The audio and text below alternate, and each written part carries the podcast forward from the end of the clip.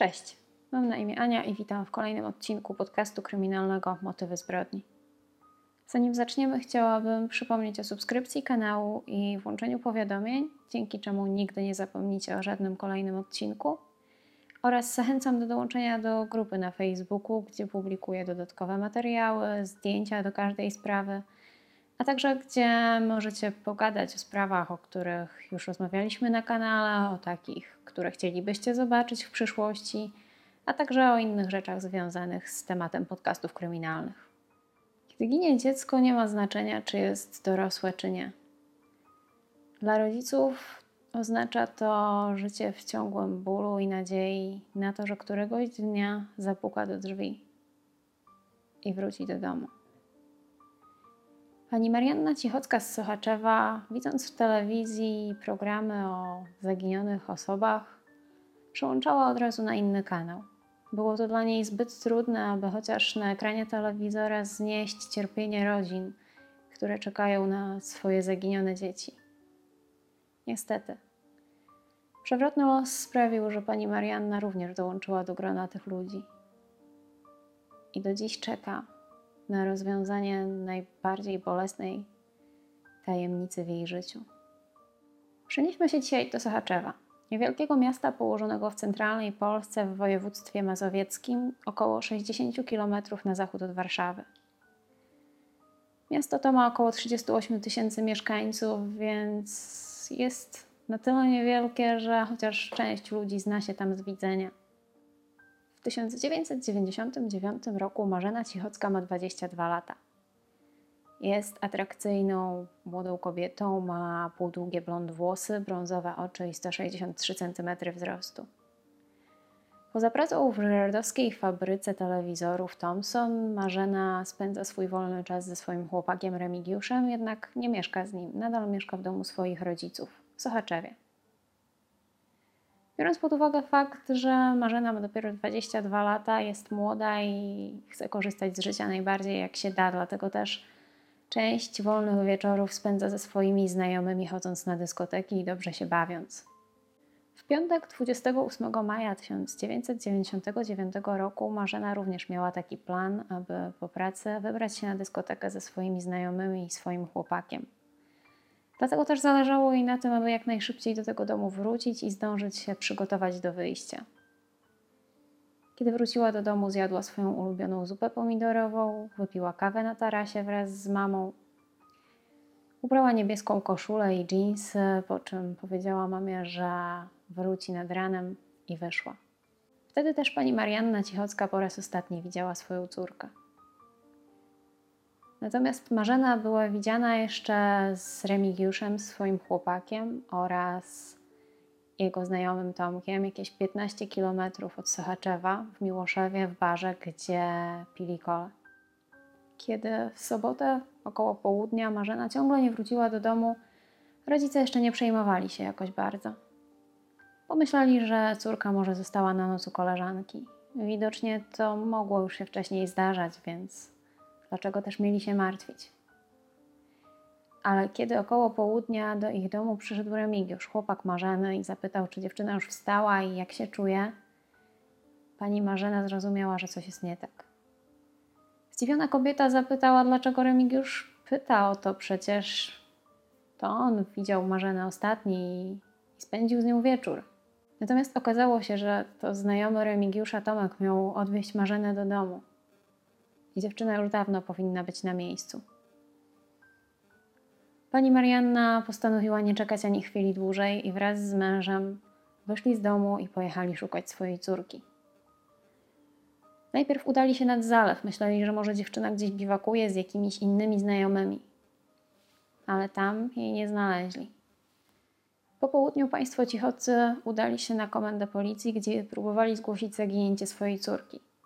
Natomiast usłyszeli tam, że nie minęły jeszcze nawet 24 godziny i Marzena na pewno wróci do domu, kiedy się wyszaleje.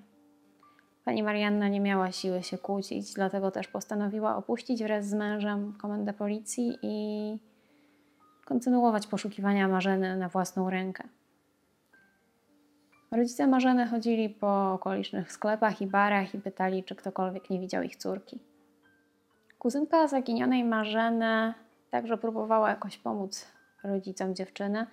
I udało jej się ustalić, że Marzena nigdy nie dotarła na dyskotekę, natomiast rzeczywiście była w barze z Tomkiem i Remigiuszem, pili tam kole, a następnie udali się do sklepu w Sochaczewie, gdzie Marzena i Tomek kupowali alkohol.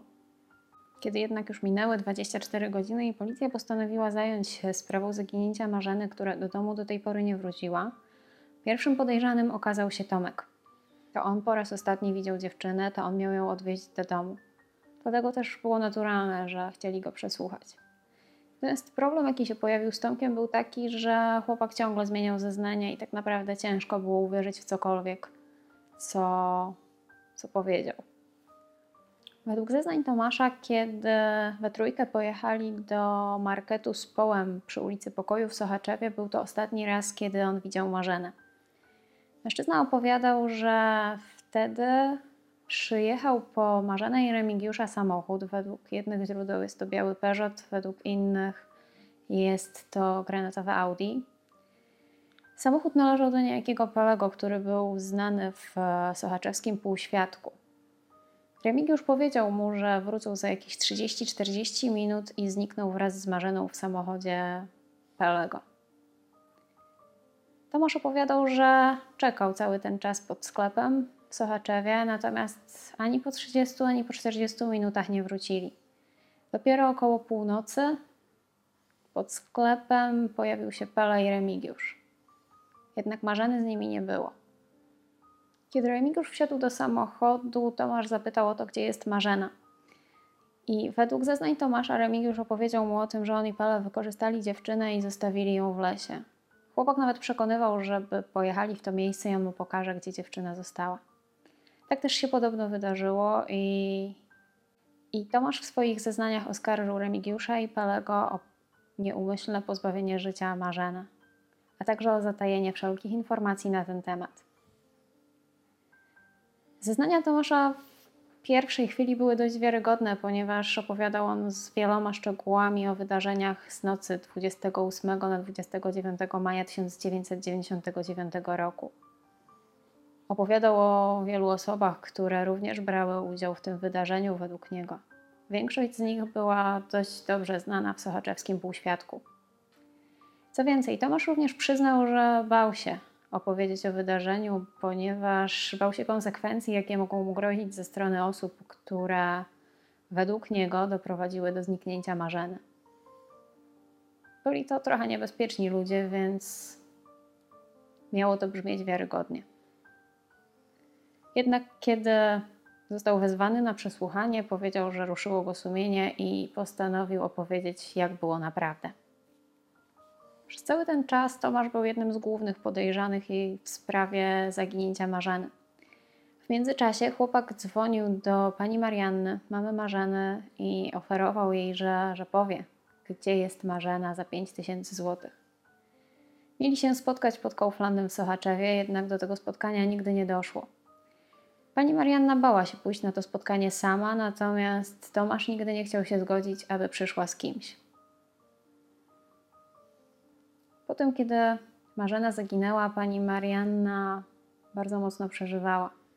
Przez pierwsze dni kobieta nie piła, nie jadła, nie spała, tylko czekała przy telefonie na jakiekolwiek informacje. Czuwały przy niej ciągle siostry, dbając o to, żeby chociaż czasami coś zjadła i całkowicie nie opadła z sił. Biorąc pod uwagę, że Tomasz ciągle jest jednym z głównych podejrzanych w sprawie zaginięcia Marzeny, pani Marianna czeka i ma nadzieję, że policja podejmie jakieś dalsze kroki. Kobieta ma nadzieję, że policji uda się chociaż zbadać samochód Tomasza. Pisze odwołania do prokuratury, próbuje rozmawiać z policją, jednak jest trochę bezsilna. I mimo, że Tomasz ciągle pozostaje jedynym podejrzanym, to policja również nie ma żadnych dowodów, aby móc go aresztować, aby móc go w jakikolwiek sposób postawić przed sądem. Pani Marianna w końcu znajduje pomoc w Stowarzyszeniu Przeciwko Zbrodni. Kontaktują się oni z policją, jednak na wiele rzeczy jest już za późno. Choćby właśnie takich jak przeszukanie samochodu. Minęło zbyt wiele czasu. Policji udało się ustalić, że w tej nocy, kiedy Marzena zaginęła, Tomasz miał rutynową kontrolę dokumentów na stacji paliw. Jednak według zeznań policjanta, który tę kontrolę wtedy przeprowadzał, Marzeny nie było w samochodzie. W samochodzie nie było nikogo poza Tomaszem. Jednak warto zwrócić uwagę, że przy rutynowej kontroli nie sprawdzano całego samochodu, a Marzena mogła być w miejscu takim jak na przykład bagażnik, gdzie nie byłaby widoczna na pierwszy rzut oka. Co ciekawe, Tomasz również przysporzył sporo problemów funkcjonariuszowi, który tę kontrolę wtedy przeprowadzał, ponieważ oskarżył mężczyznę o wzięcie łapówki, co zabrało dość dużo czasu mężczyźnie, aby ten mógł się jakoś z tego wytłumaczyć. Tomasz naprawdę potrafił być przekonujący, kiedy tylko chciał. Chciałabym teraz wspomnieć też o tym, dlaczego wszyscy w okolicy wierzyli, że to Tomasz stoi za zniknięciem Marzeny. Dlaczego wszyscy go po prostu o to obwiniali. Tomasz nigdy nie był przykładnym obywatelem. Tomasz wiele lat spędził w różnych zakładach karnych za różne przestępstwa. Na przykład odbywając jedną ze swoich kar, mężczyzna poznał listownie nauczycielkę. Przez jakiś czas korespondowali ze sobą, a kiedy Tomasz wyszedł już z więzienia, postanowili się spotkać i nawiązał się między nimi romans. Niestety, uczucie nie okazało się zbyt silne, przynajmniej ze strony Tomasza, ponieważ przy jednym z kolejnych spotkań mężczyzna okradł kobietę i zniknął. Za to również poszedł w przyszłości do więzienia. Jednak zdarzyły mu się też dużo poważniejsze rzeczy. Na początku lat 90. Tomasz omal nie pozbawił życia młodą dziewczynę w Sochaczewie, nastolatkę. Napadł na dziewczynę tuż nieopodal jej domu. Była to sąsiadka Tomasza. Dziewczyna udało się uratować, natomiast musiała przejść kilka operacji plastycznych, aby jej twarz wróciła do stanu sprzed napaści. W związku z tym, że w tamtym momencie Tomasz nie był osobą pełnoletnią, nie trafił do więzienia, a trafił do izby dziecka. Niestety, po kilku miesiącach z pomocą swoich rodziców wyszedł stamtąd i wrócił na wolność. Najwidoczniej to był dość duży błąd, ponieważ niedługo po tym, kiedy odzyskał wolność, napadł na starszą, samotnie mieszkającą kobietę i mocno ją pobił. Ta napaść miała tło seksualne. Osoba z otoczenia Tomasza twierdzi, że jest on psychopatą, który czerpie radość z cierpienia innych ludzi. Jednak zawsze jego ataki skierowane są ku słabszym osobom, a tym silniejszym schodzi z drogi. W miejscu, gdzie mieszkał, podobno był pośmiewiskiem. Cały ten opis tego, kim Tomasz był, jaką był osobą i co w swoim życiu robił, daje sporo do myślenia i też bardzo silnie stawia go w pozycji podejrzanego, jeżeli chodzi o zniknięcie Marzeny, bo, bo tak naprawdę według wielu zeznań to on był jedyną osobą, która widziała dziewczynę po raz ostatni. W sprawę zaginięcia Marzeny angażuje się w pewnym momencie również Archiwum X, które stara się odnaleźć jakiekolwiek ślady. Niestety ich wszelkie starania pozostają jedynie staraniami bez żadnego rezultatu. Cały ten czas Tomasz brał dość czynny udział w śledztwie, ciągle zmieniał swoje zeznania i sprawiał wrażenie, jakby bawił się śledczymi i uczuciami rodziny, wysyłając ich ciągle w różne miejsca, gdzie powinni odnaleźć Marzenę. A że był dość przebiegły, no to jednak często miejsca te były sprawdzane, bo wierzono, że tym razem powiedział prawdę. Jednym z takich miejsc, gdzie Tomasz skierował śledczych, był las w Mistrzewicach. Tam udało się odnaleźć części damskiej garderoby, bluzkę i rajstopy. Jednak nie udało się dowiedzieć, do kogo mogły one należeć. Tomasz również nic nie powiedział na ten temat. Kolejne miejsce, gdzie Tomasz skierował śledczych, to las w pobliżu Domu Pomocy Społecznej w Młodzieszynie. W 2014 roku teren ten został przeszukany za pomocą georadaru jednak nic nie udało się odnaleźć okazało się, że to była zwyczajnie kolejna zmyłka ze strony Tomasza. Policja miała bardzo trudne zadanie, ponieważ nie mieli możliwości, żeby oskarżyć Tomasza o to, że miał związek z zaginięciem Marzeny i że być może był jedynym winnym w tej sprawie. Nie mieli ani kawałka dowodu, ani jednego świadka, zupełnie nic, co pozwoliłoby chociaż przeprowadzić jakikolwiek proces poszlakowy, cokolwiek, żeby, żeby chociaż go aresztować. Ludzie, którzy mają jakikolwiek związek, styczność z Tomaszem, tacy jak policja, śledczy, czy też personel zakładów karnych, w których mężczyzna przebywał, twierdzą, że Tomasz z jakiegoś powodu szuka poklasku, rozgłosu, sławy. Mężczyzna bardzo często zgłaszał się, że posiada informacje w innych bardzo popularnych sprawach w Polsce, takich jak sprawa Iwony Wieczorek czy Krzysztofa Olewnika. Żadne z tych informacji oczywiście nigdy nie były potwierdzone. W 2016 roku policja miała jeszcze jeden trop i, i kolejne miejsce, gdzie mogli przeprowadzić poszukiwania Marzeny. I pierwszymi osobami, które pojawiły się w tamtym miejscu, żeby takie poszukiwania przeprowadzić, była Fundacja na Tropie, natomiast policja dołączyła do nich zaraz później. To miejsce to był skraj Puszczy Kampinoskiej, tuż nieopodal Sochaczewa. Jednak był to obszar na tyle duży, że nie udało się przeszukać go całego, a miejsce, które zostało przeszukane, nie doprowadziło do rozwiązania sprawy zaginięcia Marzeny Cichockiej. Na początku, kiedy sprawa zaginięcia Marzeny była jeszcze świeża, pani Marianna otrzymywała bardzo wiele informacji na temat tego, że ktoś widział Marzenę kilka kilometrów od Sochaczewa, inni widzieli ją za granicą. Każda z takich informacji była sprawdzana, natomiast żadna nie okazała się prawdziwa. Dziś pani Marianna już dużo spokojniej podchodzi do tych wszystkich informacji. Jednak ciągle wierzy, że jej córka być może żyje i kiedyś zapuka do tych drzwi i wróci do domu. W sprawie również była próba współpracy z jasnowidzami, którzy twierdzą, że Marzena żyje, dlatego też ciągle jest nadzieja, że cała i zdrowa wróci kiedyś do domu. I to już w zasadzie wszystko na temat sprawy zaginięcia Marzeny Cichockiej z maja 1999 roku. Sprawa jest dość tragiczna, ale finał jest ciągle nieznany i, i, sprawa jest nierozwiązana, więc nadzieja na to, że rozwiązanie będzie pozytywne, ciągle istnieje. Kochani, dziękuję za wysłuchanie kolejnego odcinka do końca. Jeżeli odcinek Wam się podobał, to nie zapomnijcie o zostawieniu łapki w górę, dzięki czemu materiał ten może dotrzeć do większej liczby odbiorców, a to na tym w sumie twórcom zależy. I zapraszam Was oczywiście na Facebooka, gdzie możecie zobaczyć dodatkowe zdjęcia i podyskutować o sprawie.